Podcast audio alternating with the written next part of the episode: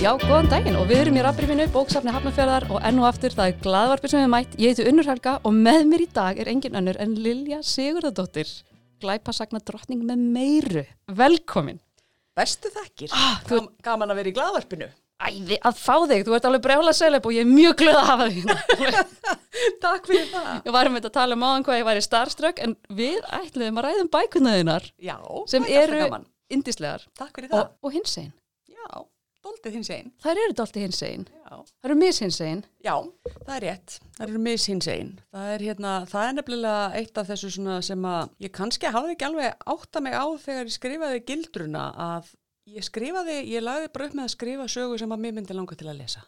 Mm. Það væri skemmtilegasta sagan sem mér myndi langa til að lesa og það urða að vera glæpir og þú veist, kokaðinsmiklu og efnaðasbrot og, og lesbist ástasamband og þannig að svo þróaðist saga þessara persóna áfram, svo skrifaði ég uh, svona stand-alone thriller eða pólitískan trilli sem að sem að heiti Svig og fjallaði um, um konu sem að tekur að sér ráð þeirra embætti með litlum fyrirvara. Og það er svona auka persóna sem að er norn og lesbísk útlensk norn og hérna, lesbísk norn af erlendum uppruna en samt mjög þjóðuleg í sér og hérna síðan skrif, byrjaði ég á þessari seríu sem að ég er að skrifa núna sem að byrjaði bók sem heitir Helköld sól og þegar ég var búin að skrifa hana þá tók ég eftir því þá er eiginlega enginn hins eginn karakter í henni. Hvað klikkaði? Já, það er bara góð spurning. Ég er bara allt í hennu stóð frammi fyrir því að eitthvað hafi klikkað. En sko, og það er bara eiginlega þetta það finna að sko skrif eru svo livræn einhvern veginn. Að veginn koma bara og taka pláss og heimta eitthvað rými og stundum er bara, veist, bókin búin og allt plássi farið og bara, ups, það er eiginlega enginn hins einn hana. Fyrir utan auðvitað dragdrottninguna sem býr í skúrnum hjá lauruglumanninum út í garði. Já, eins og flestir lauruglumenni mitt. Já, já, já, það er alltaf Búa með dráttorningu. Já, Í í garði. algjörlega. Og svo er þannig sko lauruglukona sem er bara pínur lítið aukaperson og kemur rétt út í lokin en hún er starri í næstu bók og, og þá kemur í ljós að hún er einmitt mjög hérna, hvað ég var að segja, frjálslind í ástarmálum og uh, algjörlega hins einn. En þetta er sko, þetta er svona spurning sem ég stundum spurð, sko finnst þér þér bera skilda til þess að skrifa um hins eginn karaktera? Og ég svolítið velti þessu fyrir mér, að ég, nei, mér finnst það nefnilega ekki, sko, mér finnst mann ekki hendilega bera skilda til þess, svo maður sé hins eginn sjálf eða sjálfur, að maður eigi endilega að gera það, en ég held einhvern veginn að það komi bara tóltið náttúrulega, allavega fyrir mig, að því að verandi hins eginn og með fullt af hins eginn fólki í lífi sínu þá bara gerist það sko. Og ég er algjörlega bara, maður er auðvitað alltaf svo glöð með einhvern veginn að fá einhverja svona einhverja karakter og einhverja representasjón í skálskapnum sko, þannig að það er alltaf gaman ef það er góð representasjón það að segja. Vegna þess að þú ert hinsegin og ofinberlega, algjörlega, mm. líður það stundum eins og fólk krefjist þess einhvern veginn af þér að þú takir þetta miklu förstökum ekki endilega sem bara representasjón heldur eins og það sé bara eitthvað spektrum sem þér er gefið að skrifa Mm. frekar heldur eins og segir, karakterinni mæta bara og bara eins og í raunveruleikanum eru sumir hinsegin og sumir eru það ekki. Sko ég veit ekki alveg, ég hef heyrt eitthvað svona einhver, einhver kall fussaði og sagði ég, ég les ekki svona lesbíubækur. En þú veist, það er lítið við því að gera. En, en hérna sem sko, ég hef svo sem aldrei vilja einhvern veginn kynna bækuna mínar beint þannig heldur, þú veist, þetta eru bara glæpasugur og karakterarnir eru fjölbreyttir eins og bara er í lífinu mm. en nei, sko það sem ég, mér finnst ekki fundist eins og fólki finnist ég bara skilda þess heldur sko, ég finn bara rosa mikið sko þakklæti frá hins eginn samfélaginu og sérstaklega uh, lesbíunum og, og hérna, hins eginn konunum að, að fá sko einhvern veginn einhverjar sögupersonu sem getur svona svolítið samsamaði með og það er held ég einhver svona gleði sem við þekkjum öll sem erum hins eginn að, að sko að fara í bíó eða horfa sjónvarpið og lesa bók og það er einhver, einhverja personu sem þú sko tengist á svona tilfinningalega máta. Og ég hugsa að þetta sé kannski eitthvað sem að streyt fólk upplifi bara mjög oft. En við kannski sjaldnar að því að maður hefur svona sjaldnar einhverja personur fyrir sér sem að maður getur alveg kannski samsama sér með. Og ég hugsa að sko þegar ég náttúrulega var unga þá voru flestar sko lesbíur í bókmyndum og bíó og svona frekar tragiskar personur eða vampýrur. Já, já, náttúrulega eða vampýrur Já, eða nornir Já, ymmit. En þá voru það nornir fyrst og lesbíur svo. Já, já, já, já. Það er svona, Þetta galdrinum, sko. já. Já. En, En- það er líka kannski það sem er aðtiklisvert við einmitt lesbíur í bókunum þínum er að þær eru manneskjur fyrst og fremst Mhm. sem eru lesbískar og þær eru, það sem ég tók eftir í lestri, er að þetta er stór partur auðvitað af, af öllu þeirra lífi og hver, hvernig þær elska og hvernig þær nálgast sín, sín tilfinningaheim Já. en það er ekkert af þessu kyngjart á þennan máta sem sko ég er náttúrulega aðeins yngri en þú Mhm. og lesbíur í efni, bara í dægurefni sem ég kynntist, þar voru tvennskonar. Já. Þær voru annarkort kúluvarparar frá Rúslandi Já. Já, og þær voru allar svona leiknar af, af þú veist, Hafþóri Júliusi í drægi. Þær voru akkurat svoleiðis, þær eru mér í James Bond. Eða, eða þær voru lesbíur til að skemmta öðrum. Skemmta kallmönum. Já, mjög, mjög gaze miðað. Já. Maður var alveg ótrúlega fyndið hvað, þessar, hvað lesbíurnar voru uppteknar af því að vera klikkaðislega heitar fyrir kallana. Já, ymmit. Þannig Það að- er svolítið magna. Og svo allt í henni komið þarna fullt, fullt af konum sem eru allar lesbíur og þær eru allar bara lesbíur á sínum fórsendum eh, nema kannski agla sem er klálega ekki lesbía. Nei, Hún þarf, að, hún þarf eitthvað að vinna í þessu, blessuð konan. Ég var stundið svo reyð út í hana. Já, á, það getur verið svo erfitt ferli, sko. Ah. Já, já, ég held að þetta er alveg örgulega rétt. Það er einhver svona skil í þessu, sko, og hérna að, að frá því að vera, þú veist, eiginlega ósýnileg eða dulbúinn eins og Hollywood dulbjó til dæmis lesbíunar sem vampýrur Mm. voru í raun og veru kannski að, að fjalla um sko uh, ást og gyrnd á milli kvenna en þær voru bara vampýrur og þá fóru þetta í gegnum sensorsipið einhvern veginn en, og yfir í það að vera akkurat einhvers konar kynferðisobjekt fyrir, já, allavega ekki markkóp sem heita lesbíunar þótt að maður hafi alveg verið þakkláttur fyrir það líka skilur við, ég ætla ekki að ekki að af hérna taka það sko, en já, ég held að sko, kannski er það það sem að var líka svona nýtt í í gildrunni að því að ég áttaði ekki endilega á því alveg strax að þetta væri rosa mikilvæg skrifi, ég er bara að skrifa glæpasögu og það er þykja nú almennt bókmyndalega ekkert mjög mikilvægir. Og hérna eru kannski, auðvitað, er ætlað að vera fyrst og fremst afþreyingarefni og, og það er alltaf mín ætlundi að skrifa bók, að reyna að skrifa skemmtilega bók sem skemmtir fólki. Já, en eru það ekki Og- bækurnar sem ná til flestra? Menna, það er jú. fullt af stórkostlegum bókmentaverkum þarna úti Já. en Sem eru líka sem mörg mjög leðileg. Já, alveg gífulega leðileg vegna að það þarf ekki endilega að vera fylgni á millið þess að vera vel gert eða mikilvægt og skemmtilegt. Það þarf ekki að vera fylgni þarna með. Nei, nei, nei, nei, ekki endilega sko. Þannig að, já, ég, hérna, þetta var mjög áhugaverð lífsreynsla og sko gildran einhvern veginn sprakk út á slega hratt og varð strax sko vinsæl og er bara ennþá að koma út sem sagt í nýjum löndum bara í dag og var meiri segja að koma út á arabísku sem að ég hefði aldrei Ó, búist við. vá! Ok, það er ógeðslega spennandi. Mjög skemmtilegt. Hún er sko þýtt úr ensku Mhm. yfir, á, yfir á arabísku. Nú, ennska þýðingin er mjög flott, sko. Já, já, hún er Hún það er sko. mjög vel gerð.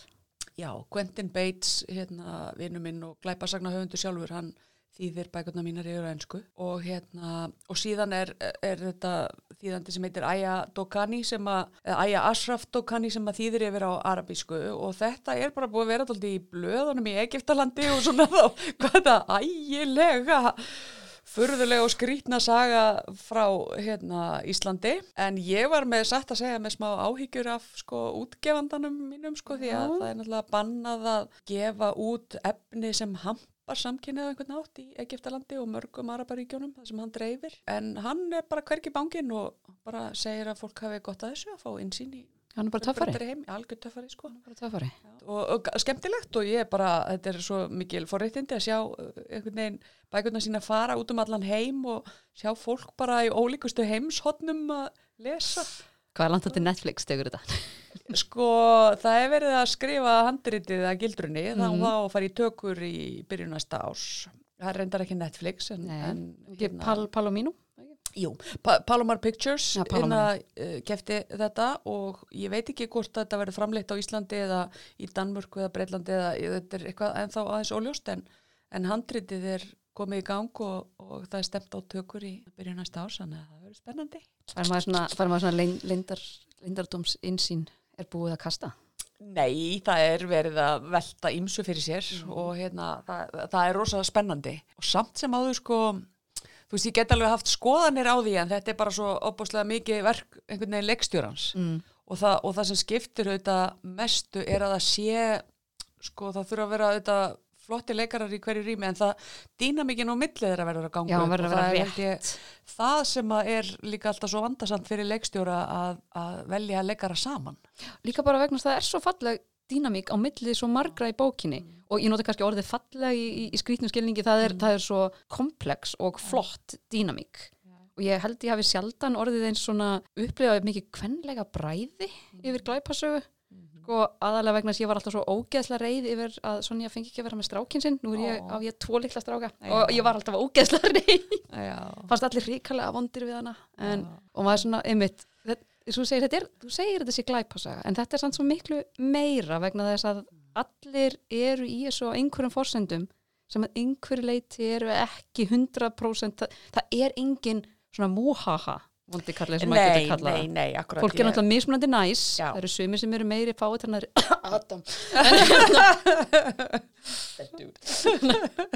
hann er, hann er, hann er fávitinn í mínum sko, ég, ég mjög ég var með komplexa yfir þessu. En það er líka mjög aðtiklisvert að það er engin lögga það er nei. engin svona gaur eða gella með byssu Nei, það er engin sko eins og einhver listi svona svolítið Nordic Noir tveir þreyttir lauruglumenn að lappa inn og út af lauruglustöð nei, þeir eru ekki Málin. Nei, nei, það er ekki í gildrunni. Ég hérna, ákvaða að leggja upp með að sko, skoða sjónarhort glæpa mannana mm.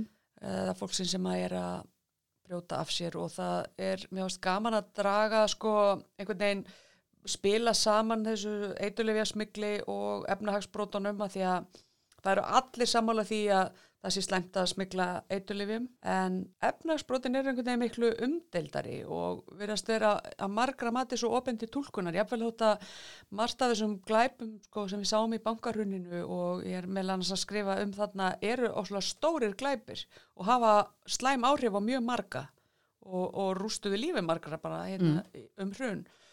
En samt sem áður var sko eins og í þessu tilviki agla í bókinni getur alveg talið sér trúum þetta er, þetta er bara svona eitthvað sem allir gera. Og það var svolítið stemningin verist hafa verið þarna í bankabransanum fyrir hrunið. Og, og það er svo áhugavert að skoða sko hvað er glæpur og hvað er ekki glæpur. Og svo líka ég, ég hérna er ekkit mjög trúið svona á ílskuna í sjálfu sér. Eða sko að Mm. ílskan sé eitthvað sjálfstætt fyrirbæri í fólki. Ég held að hún þurfi alltaf að verða til einhvern veginn og oftast held ég að það sé einhver sko tragedi á bakviða, oftast nær. Ég ætla ekki að taka alveg fyrir það að sé til vond fólk en, en þegar ég skrifaði gildur þá lagði ég upp með sko vinnuheiti sem að var ekki mjög góðu titill en það fórlægið var ekki til í þann titill sem að var sko að gera það sem gera þarf og það er í raun og veru allar personurnar í bókinni eru að því Já. á mismunandi máta að því að og það finnst mér svo, alltaf svo áhugaverð uh, stúdía er að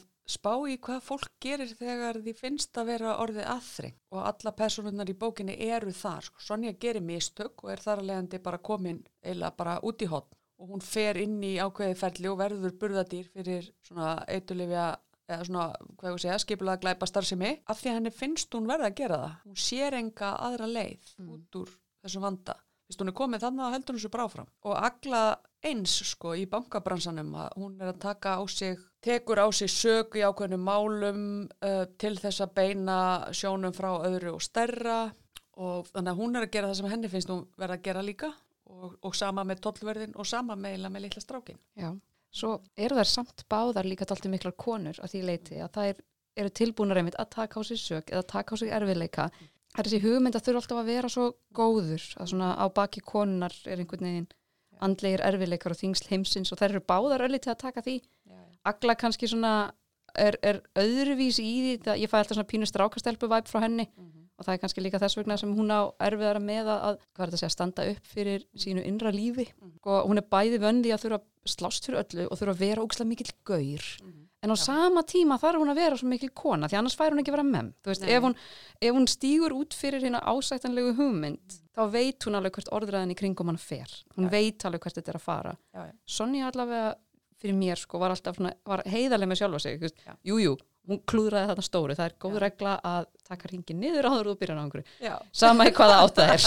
Sama í hvaða átt það er. Já, og það var hennar klúður en það er líka hægt að segja að hennar hegning við því klúðri var náttúrulega algjörlega ekki í tengslum við glæpin nei, nei, vegna þess að það er líka að það kemur hugmyndin um um, um brot þetta kallmennsku inn í það. Já, já.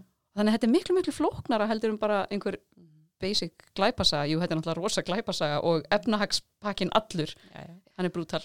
Já, og það er skemmtilegt að, að núna hérna í, hand, í, í fyrir þáttaröðina þá verður sagt bætt við baksögu þessara persóna allra. að við sjá, fáum að sjá meira úr fortíð þeirra. Ég þarf ekki að sjá meira mömmu Sonju, ég þarf hann ekki. Nei, Þa, ég þarf, I don't need that sort of negativity in my life. Nei. Þe- þetta eru skemmtilega pælingar og þetta er sko, það er, það sem að var, varð svo vinsælt í Fraklandi var að þetta sko væru í raun og veru tvær konur í aðalhutverki í þessu bók. og bara konur yfir höfuð, það eru fleiri. Það eru fleiri. Já, það eru fleiri. Og það er hérna freka sjaldgæft í bókum. Það var útgeðandi minn franski, sagði mér að í, ég held að sé þrjú ár síðan núna, að þá, það var í fyrsta skipti sem að komu út jafnmargar skálsugur eftir konur og kalla í Fraklandi, fyrsta skipti, 50-50. mm. En svo að innihaldsgreina sögurnar og þá kom í ljósa að 75% af þeim fjölluðu samt aðalega um kallmenn og drengi. Þannig að það vantaði, sko, það vantar meira af hvern personum og það er kannski það sem að mér finnst líka spennandi er að það er svo mikið á ósögðum sögum. Það er svo mikið alls konar úr lífi og þroska hverna sem á eftir að skrifum. Það er svo marga sögur sem er ekki búið að gera skil. Og það er spennandi fyrir okkur, lesendur sko, mm. að því að maður vill alltaf eitthvað nýtt og vill alltaf heyra nýjar og nýjar sögur. Og það sama gildi með náttúrulega hins eginn fólk, fólk að erlendum uppruna í Európu. Það er fullt af sögum sem á eftir að gera skil. Og það er spennandi að því að þetta er bara eins og gull náma fyrir höfunda geta grafið í.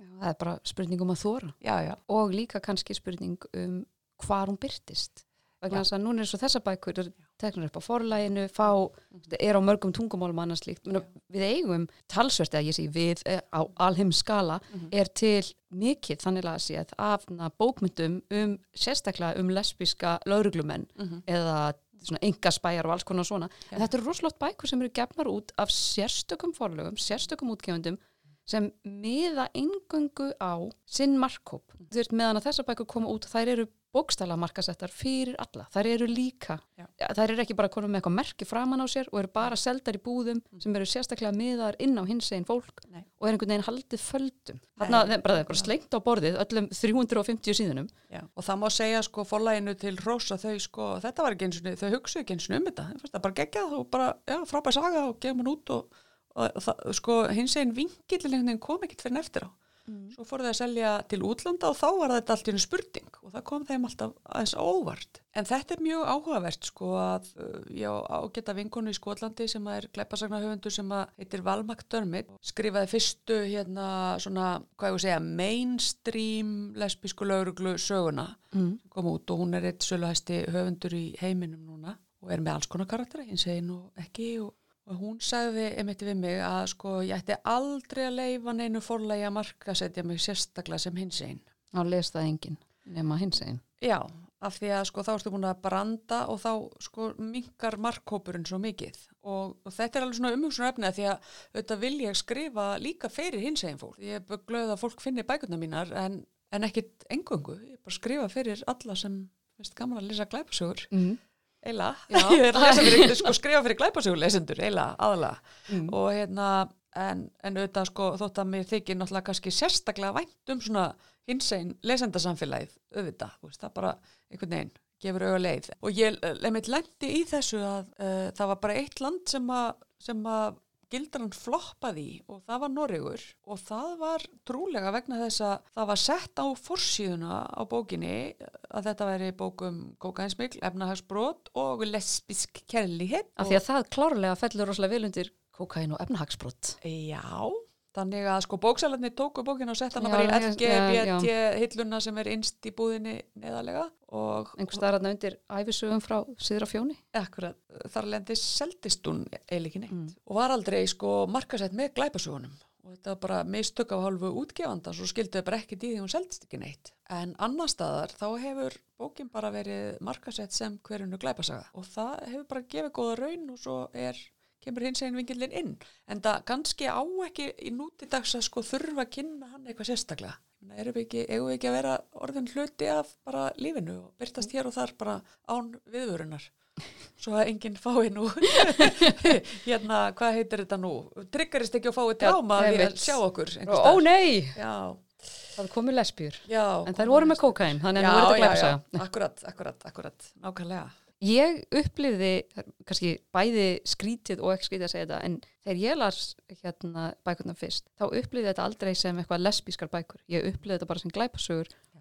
og vegna þess að eins og ég, eins og ég var búin að segja, karakterinir eru svo algjörlega sjálfstæðir og svo allir svo algjörlega í sínum tilfinningaheimi. Þetta er svona eins og þegar ein kona í einhvern sjónvastætti, Já. það er svona þetta er klári gaurinn og þetta er vittlösi Já, gaurinn já. og þetta er gáað, eða svona þessi sem er stjórin og þetta er konan. já, Konan er í bleiku og henni finnst gaman að gera konu hluti sem við ræðum ekki. já, en að persóna einkenni er að vera kona Já, það var einmitt, það er með hana í, í já, gildrunni og svo öllum hinum. Það er ekki aðal, persónuenginni þeirra er ekki að vera lesbía. Nei, Eða að vera kona, persónuenginni þeirra eru allt önnur. já, já.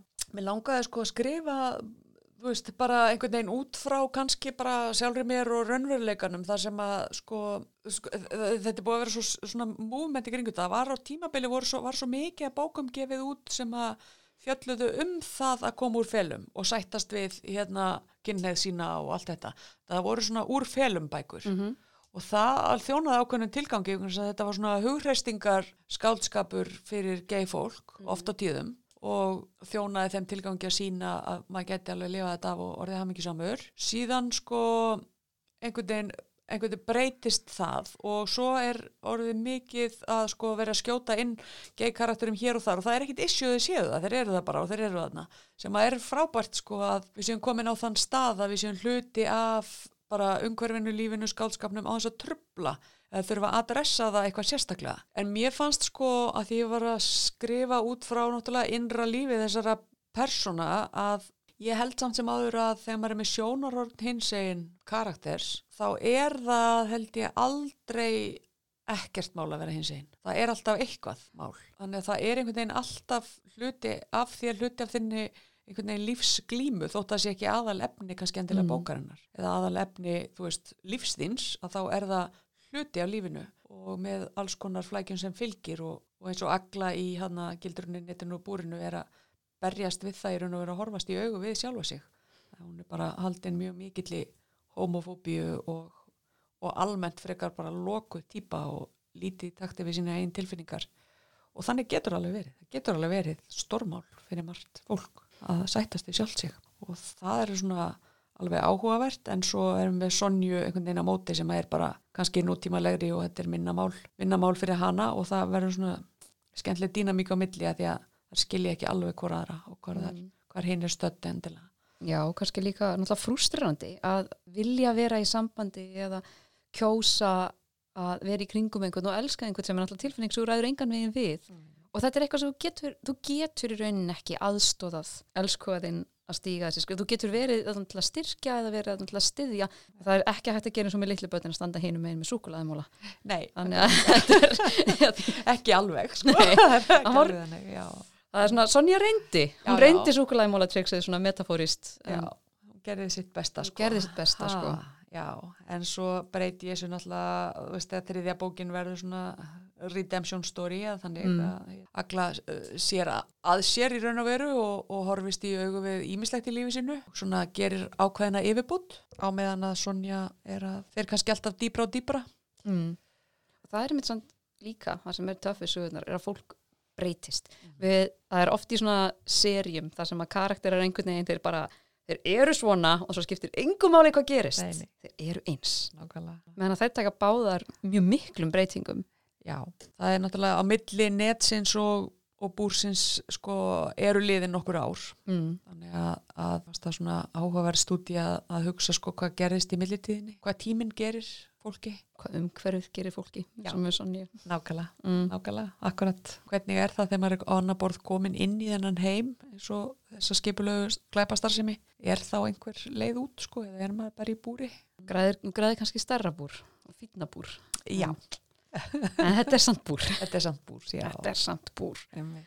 En nú langaði með að spyrja, sko, það er náttúrulega að spyrja alla höfunda, sækir þetta í þína eigin lífsreynslu, en við langar ekki bara að spyrja um hins eiginleikan í eigin lífsreynslu, heldur líka allt hitt, því að nú ert þú búin að ferðast gífilega mikið, þú átt spennandi og skemmtilegt lífslaup, tengt ymsum hlutum sem flestir íslendingar tengja ekki við, nei, nei. þannig að, Já, jú, ég held að sko, ég held að sko, sköpunar svona krafturinn kemur rosalega mikið úr einhvern veginn lífsreynslu og umhverfi og hugmyndir líka. En það er alltaf doldið erfitt að segja til um hvaðan personur koma því að maður setur þar saman úr einhverju eða einhverjum og ég hef til dæmis alltaf haft fyrir já, hálgerða reglu, ég vil eitthvað gert það með mína svona aðalpersonur að ég gef þeim eitthvað frá sjálfur mér eða frá e- eitthvað sem er mér mikilvægt og bara eins og veist, í, í gildrunni og netinu gamli tollvörðurinn er bara með mjög margt frá pappa mínum. Og fyrir vikið og þá þykir mér vætna um hann ég held að allir sem Og- lásu bókina þykja vænst um hann. Já, já, Ég var alveg brotin í bók 2 þegar, já, já, akkurat mjög ósangjart allt saman. Já, og hérna, en, en þá sko, þá tengir lesandin held ég líka við það. Ég held að ef að maður sko setur eitthvað sem að er manni sjálfum úst, náið eða mikilvægt í personu að þá, að þá finnur lesandin það alveg líka og hann tengist á personunni líka. Mm. Ég er alveg með það einhvern veginn svona sem alltaf sín, þannig að það er eiginlega hver einasta persóna, hvort sem hún er góða, vondi eða hvað, eh, með eitthvað smá frá mér eða mínum eða eitthvað sem er mér mikilvægt. En ég held að sko, maður ma veit ekki alveg hvaðan persónu koma. Þetta er eitthvað svona, það er ekki einhver skaldskaparlegur eter sem að flýtur í kringum mann í loftinu og Mm. sko þegar ofti þeir byrja að skrifa, ég plotta svona inn í miðjabók og svo tekur sagan bara sjálf einhvern veginn yfir. Og það er setni hluti skrifana fer oft í að reyna bara að sko, hemja söguna í cirka þessa form sem að gengur upp eða sem þú vilt. Og það er svo skrítið að persónur sem eiga kannski að vera stórar það er einhvern veginn bara að skreppa saman og er ekkert að kalla á pláss. Og svo eru persónur sem að áttu að vera bara auka persónur það er bara að byrja að þennjast út og krefjast þess að fá meira pláss. Og mér finnst sko, ég hef alveg upplifað það að vakna rökka uppið á nóttunni að einhver persóna er að æpa á mig og þetta er svona þetta er einhver svona ákveðin tegund að geða ekki ég Það eru rættir í höfðina þér. já og ég held að sko, ég held að maður sé í góðum málum ef maður veit að rættirnar eru frá manni sjálfum sko, en ekki það sé raunverulega innan úr þínum eigin Ég, haus ég ætla að vona að meðan- séu ekki margir fíknefna barunar ræða við þið svona. Nei, þetta er sko, þetta er nú er hérna, er, Íslensk erðagreini gerði hérna þessa könnun á tengslum hérna, geðrófsjútuma og sköpunagáfu og kemur í ljósa þetta er bara eiginlega sama genið, nema hvað nýju að hverjum tíu verða skapandi og einn veikist. Það er, það er, Já, það er ágættis rúletta. já, það er ágætis rúleita og þetta er hérna mjög áhugavert vegna þess að svona í ljósi þess að þetta missa erðagreining hefur haft áhuga á að leita geigeninu og allt þetta að sko Kári Stefánsson var að vara við því að til dæmis ef að ætti að fara á genetískum level að reyna að útrýma skitsofrinju Mm -hmm. það getur verið svo hættulegt þess að þá ertu kannski líka að útrýma sköpunagáfu mm. og, og það er náttúrulega fólki allir hönnuðirnir og hugsuðirnir og allir sem hugsa eitthvað nýtt sko og, bara fólk sem er bara skapandi í sínu eigin lífi að ég held að heimurinn geti ekkert verið án þeirra þótt að auðvitað sko skitsofreni að þetta með sér sræðilegu sjúkdómur og auðvitað væri gott ef það væri hægt að lækna hann. En já, ég upplifið þetta alveg svona næstum því pongu klikka sko þegar ég er í svona skriftarfasa og personur byrja að búa sér til sjálfar. Og það, þetta er eitthvað sem að margir höfundar sko upplifa og, það- og það er óslega að lokum erfitt að gera sér grein fyrir almennilega hvaðan hvað kemur. Og sumir upplifa líka sko eins og þið sitja bara og það sé einhver bara við hliðina á þeim eða bakvið á sem sé að lesa þeim fyrir fólk hefur sagt það. Og hvaðan kemur það sko? Þetta er auðvitað að koma innan úr þínum eigin haus en sko nákvæmlega hvernig maður gerir þetta setur saman er svolítið erfitt að lýsa og erfitt að vita það í raun og veru. En svona já, maður setur upp einhvern grunn gefur karakterunum eitthvað og svo taka þeir bara sjálfur Skrifar er hratt. já, alveg rosalega. Já. ég, hérna, ég skrifa mjög hrætt ég, ég tek, Svona á, á skalanum, sem sagt, eh, George R. R. Martin að Já. Stephen King. Hvar myndir þú setja þig? já, e, e, e, einhver starf þarna sirka fyrir miðjú sko ég, hérna, já, já, ég hef núna undanferðin ár verið að skrifa skaldsögu á ári og 5-6 sjómastætti gera ýmislegt annað. Hitti fyrir að sko þá fór ég í 14 kynningaferði til útlanda að kynna bækuna mínar og, og náði samt að skrifa skaldsögu og 5 sjómastætti. Hvenær sefuru? Já, já, ég sef bara mjög langa og góða nótt sko. Ég hérna, finnst rosa gott að sofa og ég hérna, yfirleitt sef bara vel þannig að þetta er ekki sko, ég er alls ekki típan sem vinn endilega allan daginn. Ég er bara, mm. ég finnst fínt að vinna, að vakna bara þokkalega snemma að vinna og fara svo bara að gera eitthvað annað svona þegar líður á daginn. Fara í gladavarpið eða Já, eitthvað svona. þú ert alltaf velkomin hér. Takk fyrir.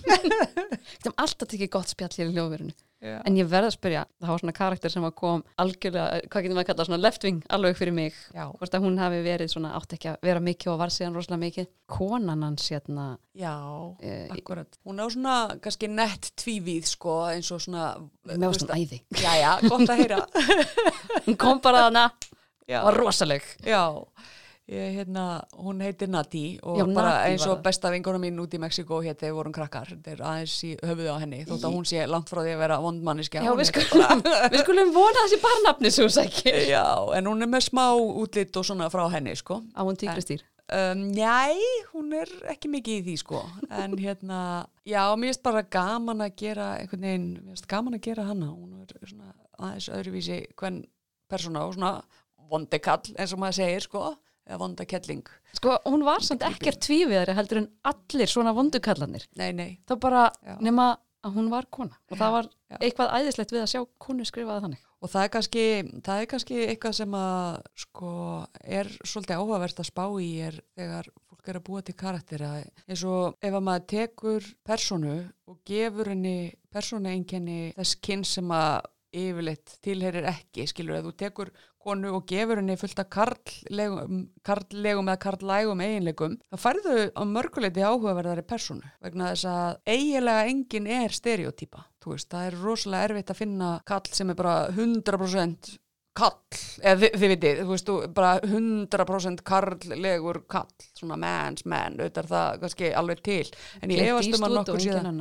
Já, já, ég menna, þú veist, ég held að sé minni hluti mannkins. Og Stíg Larsson gerði mjög áhugaverðan hluti í þessari, sko, í þessari hérna trílógíunni sinni, frægu. Að hann tekur þarna Lisbeth Salander sem er ung kona og gefur henni skrifan hana alveg nákvæmlega eins og hann hefði skrifan ef hún væri kall. Og þetta gerir hann ásettur á því bara til að búa til áhugaverðari karaktera og svo tekur hann blaðamanninn vinn hennar og ástmann á tímabili og gefur honum alla einleika sem að höfundur myndi venjulega gefa konu. Og út úr þessu færðu svona karaktera sem á ákveðin hátt eru miklu trúverðugri. Vegna þess að ég held að sé nú tilfellið að sko kallar er ekkit frá Mars og konu frá Venus. Ég held að sé bara kannski sirka bát frá sömu plánitunni sko. En það er náttúrulega líka í, í dægurmenningu yfir höfuð eru þessir, þeir kvennkaraktera sem verðast endast hvað sterkast og oft kannski fá svona stöðu eru karaktera sem eru, eins og þú varst að segja, eru með karlega eiginleika eða eru jafnvel personur sem upprunlega eru skrifaðir sem kallmenn og svo fá þau konu inn. Og menna rosa gott dæmi er Ripley úr Alien Það var sko, ég með skilst að handriti eða hvort að handriti var skrifað þannig eða hvort að bara castinglisti leikstjórnans var þannig og setti hvorki kyn eða kynþátt eða aldur á leikarana heldur bara, leta bara, bara go with the fullt af alls konar fólki og leta lesa og valdi bara besta leikaran. Er það ekki bara góð leið? Mér finnst það. Mjög stoltið töf sko Það bara, varst ekki með fyrirfram ákveði hvort að leikarin eigi að vera sko svartu hvítu gamall, þú veist, ungur, Það er það sem að Neil Gaiman og krú er að gera núna fyrir Sandman Ég held að svona fyrir, fyrirfram gefnar hugmyndir eru alltaf öllu sköpunar verkið til ama ákvæmuleiti. Það varstu fastur í þínum eigin fordómum. Þú ert búin að ákveða, ákveða fyrirfram hvernig eitthvað eða einhver sé og þá færðu ekkert óvænta, færðu aldrei óvænta útkomu. Fram, er, bara, er hann sagan bara búin Uh, gildra netti búrið? Já, Sko já og nei, það er náttúrulega þegar sjóast röðin kemur, þá bætist aðeins við, sko. Þá fáum við þérna background á, á, á þessar personur og jafnvel eitthvað nýtt og óvænt. Sko. spin-off serjur Hver veit, Hver sko. Ha? Er sagan einhvern tíma búin? Og núna spyr ég því að þú ert búin að skrifa miklu fleiri bækur um bara þessar þrjár Já, já.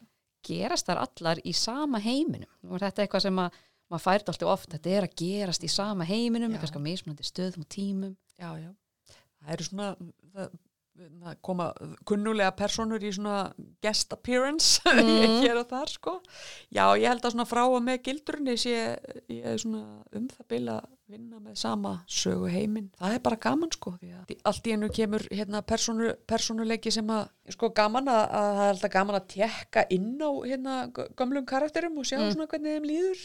Hvað er að bralla svona þessa Hvað er að bralla sko? Já, ég hef gert það aðeins í bókunum að það er svona einn og einn sem droppar inn hér og þar. Það er svona líka má skemmtun fyrir þá sem hafa lesið fyrir sem geta séð nú, já, er hún. Já, og líða eins og maður sé svo klár þegar maður spottar þá. Já, já, já, akkurat, akkurat, nákvæmlega. Þetta er svona skemmtilega leikvimi sko, Quentin, þýðandinn minn yfir á ennsku, hann hérna fekk einu svona í lánaða persónu hjá mér, fekk Rikka Svamp lánaða. Ó, Já, að Rikki Svampur kom í smá heimsókn, ég sagði hann að hann mætti gera hvað sem er við hann, bara ekki drepa hana því að ég átti þá eftir að nota hann í eina bók sko, en já, en hann álega skila af það að tuska sér til já, sko, hann já, alveg, bara hann er einn af þessum gaurinn sem má alveg lemja hann, sko. Hann algjörlega, alveg aðeins. það er bara skilið, það er gott að því. Já, hann kannski hafa þessi almennilega smástundu eftir. Já, hvað veit maður? Það er, ég, ég kýsa lítið ekki á sjálfum mig sem grimman einstakling en það hlakkaði alveg í mér sko þegar hann var þarna komin nýr í fósvóin. Já, já. Já, já. Það er sko, það er eitt af því sem að glæpasagan hérna, gerir svolítið fyrir lesendur er svona stundum örlítil tilfinning fyrir réttlæti og ég held að það sé eitt af því sem að fólk sækir í, í glæpasögum er, er þessi, þetta svona réttlæti á einhvern hátt að lokum. Eða allavega closure. Svona. Já, já, nákvæmlega og því, ég held að sé sko að því að lífið er oft einmitt ekki þannig. Lífið er svo messy og það er einmitt oft eitthvað óréttlæti í gangi sem að er aldrei leðrétt einhvern veginn og margir sem að búa við bara óréttlætið og, og þá er svo notalegt að lesa um eitthvað sem að fær einhvern svona fitting endi og það er ekkert Mhm. endur að tala um réttlæti sko að vondikallin fær í fangelsi heldur einhvers konar, jáfnvel innra réttlæti sko Einhvers konar karma. einhvers konar karma sko. Mm. En- það er flott. Já, er samt þá ekki líka í beinum tengslum við það að hægt að horfa á glæpasöguna sem mikilvægar í, mikilvægar í samræðinu og, og upplifunarheimi hins einn fólks sem rosalega oft stendur fram fyrir því að fá ekki réttlæti, sérstaklega ekki félagslegt réttlæti. Og ég er ekki kannski að tala um einhverjar brjálaðislegar, aggressívar það er náttúrulega, ég ætla rétt að vona að þið sé ekki margir einstaklingar í hins einn samfélaginu sem eru með kolumbísku mafíunu eftir sér. Það er svona, það er svona kannski full öruglega, öruglega einhverjir en vonandi En- ekki margir. Já, já. beinu hlutfalli kannski við aðra Já. bara, já. Kannski er það therapjútist sko. Já, ha, þá, þá allavega fær maður að það er já, ég meina, kannski ljótt að segja það á smá höskuldar viðvörun, að kannski mamma Sonju kemur aldrei til með að fullkonlega samþykja dóttur sína, en nei. við getum allavega lokað öðrum þáttum, við getum, já, já. getum breytt uh, einmitt glæpasögun og öllu slíku en það eru bara félagslegi hlutir sem því miður verður oft næst nær ómögulegt að berjast við. Er áhugaverðu punktur sko að því að já, stundum var, hef aðeins verið að hugsa undarfari með hérna hvað þetta er eins og J.K. Rowling málið allt svo, svo, sorglegt sko Mm. því að, að það er svo mikið af hins eginn fólki sem að leitar svona hugarskjóls í fantasíu bókmyndum mm. hún er svona cherry picker pínu, hún velur hverja innan heimsegin samfélagsins hún kýs að vera ok með Já, hún þetta, þetta er náttúrulega, hún bara að grafa sig út í hotn Já. sko í einhverju transfóbískri vittlesu, blessu konan og það er ofslega vombriði fyrir sko hins einn aðdáendurinnar hérna, sem að hafa akkurat átt svona huggun og skjól oft frá því eru börn í þessum bókumennar sko. Þannig að þetta er svona, ég held að margir hafi upplifað að, sko hennar viðmót sem svona töfalt keftshögg sko einhvern veginn. Mm. og það er rosalega sorglegt. Þannig að já, já, svo hins eginn fólk þurfum við kannski svolítið mikið af svona þerapiskum bókum til að heila hjartasárin erum við komna að þanga alveg? Já, vá, en, en mælum við með kolumbísku mafíunni í að heila hjartasárin, ég veit já, það, já, ég held það Ekki. sko. Ó, Má það er það svo ekki. mikið kikk þegar maður spilar á, á hérna, þetta vonda sko. Það, þetta er líka alltaf gaman að fara að keira upp smá ofbeldi og ekstremisma, það er, það er svona, það, eins og ég segi, það verða að vera tíkristýr. já, það verða að vera það sko. Og það er hérna, ég held að, að sko glæpasagan gefur manni það líka. Hún gefur manni svona æfingar veist, að því ég held að sko tilfinningalífið er svolítið eins og vöðvi. Mm. að maður þarf að æfa það mörguleiti allt. Og þú vikar ekkit út tilfinningalífið þitt sko nema mæta einhverju sem er óþægilegt. En flest viljum ekki gera það í okkar lífi. Ég meina að það er, við viljum helst ekki vera með kolumbísku mafíuna og hælunum í okkar eigin lífi. Nei, svona síður, já, það er ekki efstalistan. já og, og þá er svo gott að geta upplifa það í svona örugu skjóli í sófanum heima Já. glæpasögu og þar er lendi færða að upplifa alla þessar tilfinninga óta og allt þetta í bara örygginu heima þetta er svona svolítið sem ég verið að hugsa um vegna þess að í löndum þar sem lífið raunverulega er erfitt eru glæpasögur ekki vinsælar í löndum þar sem er mjög mikið bara af glæpum og svo leys Er þá kannski líka ástæðan fyrir að Norðurlöndin einmitt eru svona framalega í að skrifa glæpasögur? Ég held að og við skrifum glæpasögur þar sem eru rosalega mikið ofta andlegum erfileikum líka og, og svo, má, má yfir höfuð vera rannsóknarlauruglumadur í, í hérna Skandinavíu án þess að eiga úling sem á í erfileikum með sig og án þess að verða eitthvað má það? Já, maður spyr sig. Mér finnst líka að tekið eftir sko að þau eru oft á lélugum bíl.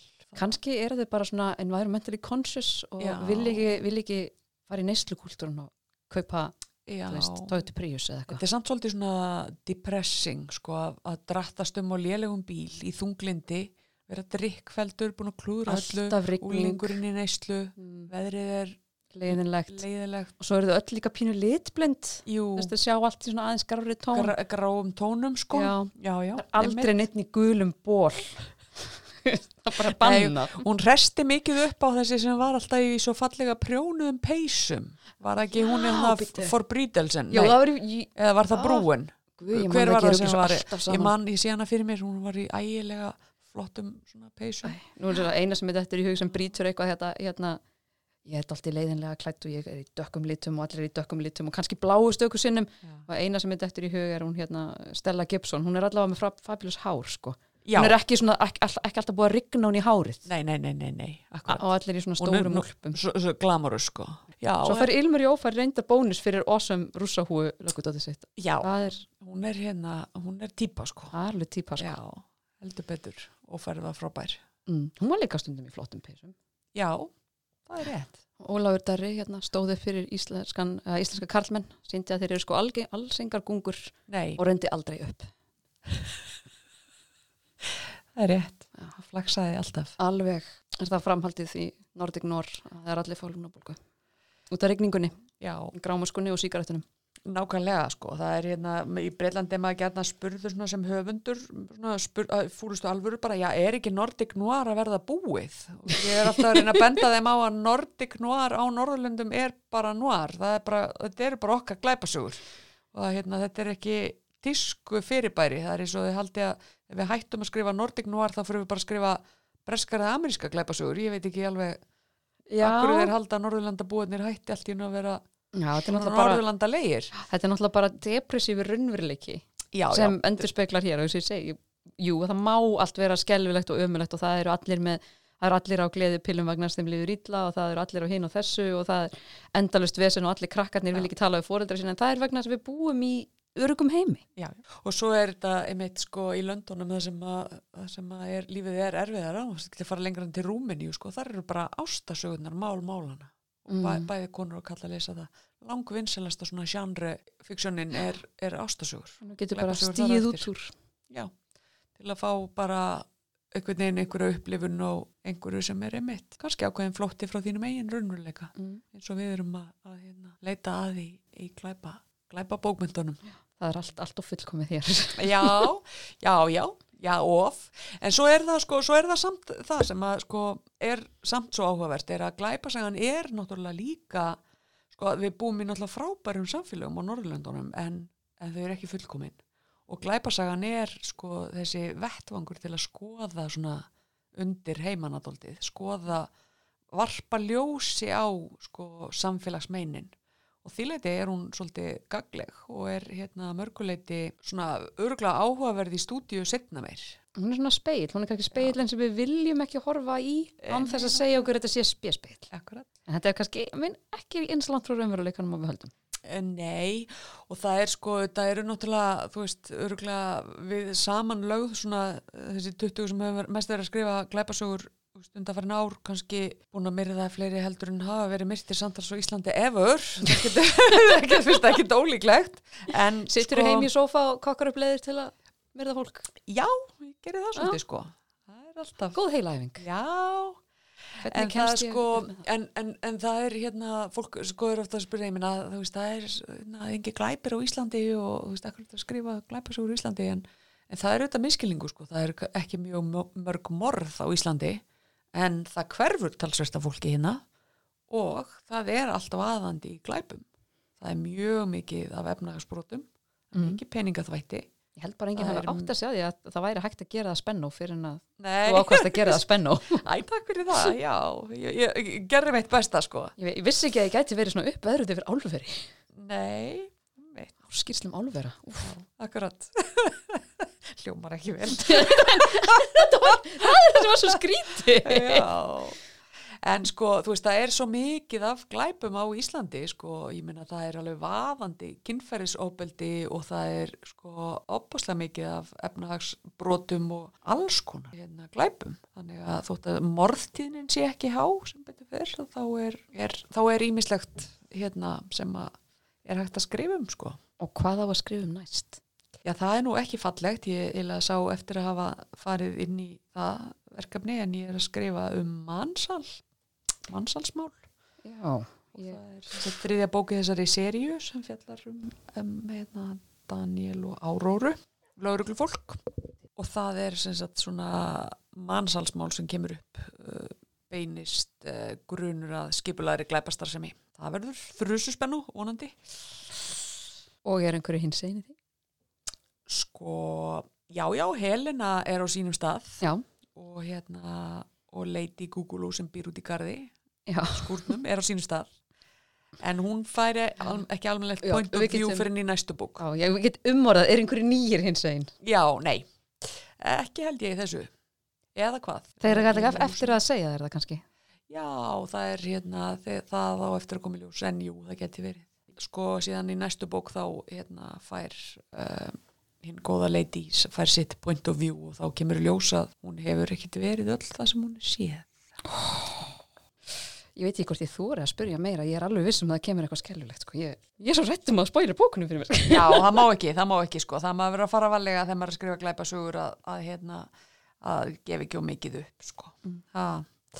Þannig núna bara það sem er næsta dagskrá, vera gefun út á arabísku og fara í sjónvarpið. já, það er bara skemmtilegt áframundan. Ég ætla að hlakka, ég verða viðkynni, ég veit ekki hvort ég hlakka meira til að sjá þetta á skjánum eða ég vona að sem flesti lesi þetta á arabísku og ég vona að þetta opni samtala. Ég vona það líka. Ég, hérna, sko, tíðandinn hefur verið mjög duglega að kynna bókina og fjallum hana, Mm -hmm. hugrökk og dugleg og sömulegis útgefandinn sko, maður bara eiga rós fyrir hvað hann er duglegur að auðlýsa. Þannig að vonandi verður þetta til þess að, þess að opna bara góða umræði. Og ætlar að koma til okkar aftur næst þegar, þegar verður ekki lengur höskuldaviðurinn á þér. Já, eigum við að segja það? Við skulum algjörlega segja það. En þið heyrðu þetta fyrst hér í glæðarspinu. Ég ætla að þakka þér kella, kella fyrir að koma og ég er alltaf bara að læra eitthvað nýtt og eitthvað meira. En við skulum vona að það sé ekki mikið af kólumiskum ringjum sem er eitthvað að ráðast á okkur hér. Við erum allavega bara á bóksafni hafnumferðar. Lilja Sigurdóttir, þakkar kærlega, kærlega fyrir komuna Takk fyrir mig. vonandi heyrist ofta.